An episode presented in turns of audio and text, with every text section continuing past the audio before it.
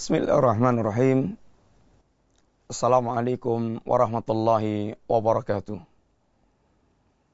Innal hamdalillah wassalatu wassalamu ala Rasulillah wa ala alihi wa ashabihi wa mawala wala haula wala quwata illa billah amma ba'd. Para pemirsa rahimani wa rahimakumullah. Kita kembali berjumpa dalam kajian silsilah akidah, akidah Ahlussunnah wal Jamaah akidah Islam, akidah warisan Rasulullah dan para sahabat, Rasulullah alim jami'an, yang selayaknya setiap muslim berjalan di atas akidah yang lurus tersebut. Para pemirsa, kita sedang berbicara tentang tauhid, al-asma wa sifat, sebuah pembicaraan yang seharusnya setiap kita faham tentang perkara tersebut. Kita telah diingatkan dengan ayat Allah Subhanahu wa taala bahwa Allah memiliki nama-nama dan Allah memiliki sifat-sifat. Walillahi al-asmaul husna. Allah Subhanahu wa taala memiliki al-asma al-husna. Yang dalam asmaul husna yang pertama menunjukkan nama Allah, yang kedua menunjukkan zat Allah Subhanahu wa taala, yang ketiga menunjukkan sifat Allah Subhanahu wa taala, dan sifat Allah Subhanahu wa taala adalah sifat yang kamilah, sifat yang sempurna, tidak ada cacat, aib dan kekurangannya sedikit pun. Para pemirsa menetapkan nama dan sifat yang telah ditetapkan oleh Allah Subhanahu wa taala dan Rasulnya Shallallahu alaihi wasallam tidak boleh disertai dengan yang pertama ini tahrif. Apa itu tahrif? Tidak boleh kita menyimpangkan nama-nama dan sifat Allah Subhanahu wa taala yang tidak ada keterangannya di dalam kitab dan sunnah. Satu contoh di antaranya ketika Allah mengatakan yadullah maka wajib bagi kita mengimani dan menetapkan Allah memiliki yad, Allah memiliki tangan. Kemudian dalam menetapkan tangan Allah, seperti kaidah yang telah kita sampaikan, kita menetapkan tanpa melakukan tahrif. Tanpa melakukan, ini penyimpangan makna. Kemudian kita menetapkan tanpa melakukan taktil, tanpa melakukan penolakan. Kita menetapkan tanpa melakukan takyif, memvisualisasikan, membagaimanakan dan kita menetapkan tanpa melakukan tamsil atau tasbih menyerupakan yang makhluk. Tanpa melakukan tahrif, Allah memiliki tangan. Maka tangan Allah kita tetapkan yaliqu bijalalih sesuai dengan keagungan Allah Subhanahu wa taala dan kita tidak mentahrif tangan dengan kudroh, tangan dengan kekuasaan, tangan dengan ini kemampuan, dalam hal ini, tangan Allah kita tetapkan sesuai dengan apa yang menjadi keagungan Allah Subhanahu wa taala dengan tidak memalingkan kepada makna yang lainnya. Karena memalingkan ini berangkat dari dia menyerupakan Allah dengan makhluk. Karena dia khawatir seandainya menetapkan Allah memiliki tangan maka dia khawatir kemudian dia menyerupakan Allah dengan makhluk Kemudian dia tahrif, dia palingkan pada makna yang lainnya. Ini sebuah kesalahan. Yang ketika dia mentahrif, sungguhnya dia memiliki i'tiqad, ini Allah serupa dengan makhluk. Ini sebuah kesalahan. Maka sunnah menetapkan tangan Allah tanpa mentahrif yang pertama. Yang kedua, kita menetapkan tangan Allah, satu misalnya, tanpa melakukan taktil, menolak. Bagaimana kita menolak? Yang menetapkan Allah, yang menetapkan Rasulnya Sallallahu Alaihi Wasallam. Bagaimana kita menolak? Seakan-akan ketika Allah mengatakan, Wahai hambaku, aku memiliki tangan. Lalu kita katakan, tidak, tidak, ya Rob, enggak, enggak, engkau tidak memiliki tangan. Bagaimana? Allah menetapkan, lalu kita menolak.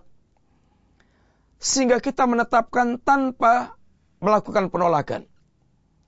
Karena bagaimana kita menolak sedangkan Allah menetapkan, berarti kita mengingkari apa yang ditetapkan Allah SWT. Yang ketiga, tanpa melakukan taklif. Tanpa melakukan pemvisualisasian, membagaimanakan, menggambarkan bagaimananya. Kita tidak mungkin bisa menggambarkan kecuali karena ada beberapa sebab. Sebab yang pertama, kita melihat yang kita gambarkan. Contoh, coba gambarkan kepada saya kucing. Oh boleh, kucing itu begini, begini, begini. Kenapa? Saya pernah melihat kucing. Tapi sekarang, coba gambarkan kepada saya tentang Allah. Tidak mungkin kita bisa menggambarkan. Kenapa? Kita tidak pernah melihat Allah Subhanahu. Yang kedua, kita bisa menggambarkan itu apabila kita melihat yang serupa coba gambarkan kepada saya tentang yaitu singa. Kita belum pernah melihat singa, tapi singa itu katanya mirip dengan kucing umpamanya begitu. Kita melihat pernah melihat kucingnya. Walaupun kita nggak pernah melihat singa, tapi katanya singa itu mirip dengan kucing, maka kita bisa menggambarkan, oh singa itu begini, begini, begini karena mirip dengan kucing. Yang kita bayangkan kucingnya, singanya mirip dengan kucing kita bisa menggambarkan itu karena kita melihat yang serupa. Sekarang Allah Subhanahu wa taala kita tidak melihat yang serupa.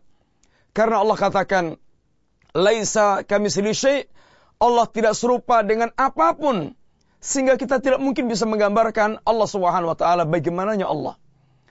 Kemudian yang ketiga, orang bisa menggambarkan itu kalau mendapatkan informasi akurat dari orang yang terpercaya. Ah, kita tidak tidak mendapatkan informasi akurat dari orang yang terpercaya dalam hal ini Rasulullah Sallallahu Alaihi Wasallam. Dengan demikian, kita menetapkan nama dan sifat Allah ini tanpa melakukan tahrif. Ini pertama, tanpa melakukan takfil. Yang kedua, tanpa melakukan takyif yang yang ketiga tanpa yang keempat tanpa melakukan tasbih atau tamsil, penyerupaan dengan makhluk. Karena Allah telah tegaskan Allah tidak serupa dengan apa pun. Laisa kamitsli syai' Kemudian Allah juga katakan lam yakun walam yakun lau kufuwan ahad. Allah juga katakan hal ta'lamu lau samiyan. Yang ayat ini semuanya menunjukkan bahwa tidak ada yang serupa sama sekali dengan Allah Subhanahu wa taala. Demikianlah Ahlussunnah di dalam menetapkan nama dan sifat yang kalau kemudian diringkas juga kata para ulama kita dalam menetapkan nama dan sifat Allah isbatun bila tamthil tanzihun bila taktil kita menetapkan tanpa terjerumus dalam penyerupaan kepada makhluk dan kita mensucikan Allah tanpa dengan mengingkari dan menolak apa yang telah ditetapkan Allah Subhanahu wa taala. Ini tariqah, ini jalan, ini metode ahlu sunnah dalam menetapkan nama dan sifat Allah Subhanahu wa taala. Kaum muslimin yang dirahmati Allah Subhanahu wa taala, sesungguhnya mengimani nama dan sifat Allah sebuah tuntutan buat kita. Kenapa tuntutan? Karena setiap nama dan sifat ini akan menimbulkan dampak dalam diri kita. Satu contoh di antaranya. Allah sami'un, Allah basirun, Allah khabirun. Allah zat yang mendengar, Allah zat yang melihat, Allah zat yang maha, yakni mengetahui segala-galanya dengan detail.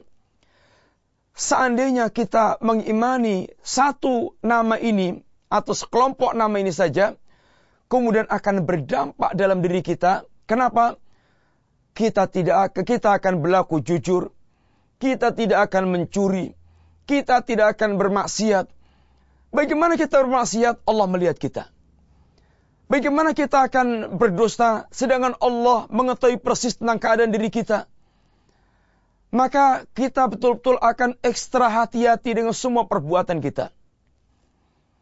Seorang anak penjual susu, di mana Umar pernah berkeliling di berbagai perkampungan, kemudian bersinggah dalam sebuah rumah yang didengarkan percakapan di dalam rumah tersebut antara ibu dan anak. Kata ibu ya nak, akhlitil laban bil ma. Campurlah susu dengan air. Tentu dengan harapan memiliki keuntungan yang berlipat. Kata si anak, wahai ya ummah, bukankah Amirul Mukminin melarang demikian? Maka kata ibundanya, nak, apa Amirul Mukminin melihat kita? Kan tidak melihat kita. Maka kata si anak, ya ummah, seandainya Amirul Mukminin tidak melihat kita, maka Robnya Amirul Mukminin melihat kita. Coba perhatikan para pemirsa yang rahmati Allah. Apa yang menyebabkan si gadis wanita ini kemudian dia bisa sedemikian rupa mengungkapkan pada ibundanya yang merupakan cerminan akidah dia karena dia memiliki keimanan Allah melihat tentang semua yang dia lihat sehingga akan memiliki dampak dalam kehidupan yang dia yang dia lakukan. Demikian pula Saatnya kita mengimani setiap nama dan sifat Allah itu akan memiliki dampak yang besar. Kita mengenal Allah syadidul iqab. Allah zat yang makras siksaannya. Tentu kita pun akan memiliki rasa takut ketika kita bermaksiat kepada Allah Subhanahu wa taala. Ketika kita me meyakini Allah Subhanahu wa taala Tawwabur Rahim, Ghafurur Rahim, Allah zat yang menerima taubat lagi maha penyayang. Yang Allah menerima taubat hambanya berangkat dari kasih sayang Allah kepada hamba tersebut. Allah menawarkan ampunan pada hambanya dengan kasih sayangnya Allah Subhanahu wa taala. Maka ketika kita memahami Allah memiliki nama-nama yang demikian dan Allah memiliki sifat sekaligus di dalamnya sifat yang menunjukkan mencerminkan nama tadi, maka kita orang yang selalu akan kembali kepada Allah setiap berbuat maksiat akan meminta ampun kepada Allah Subhanahu wa taala, akan segera bertaubat kepada Allah Subhanahu wa taala, maka sungguh sesungguhnya mengimani nama ini sebuah kebutuhan mutlak bagi seorang mukmin dalam kehidupan mereka.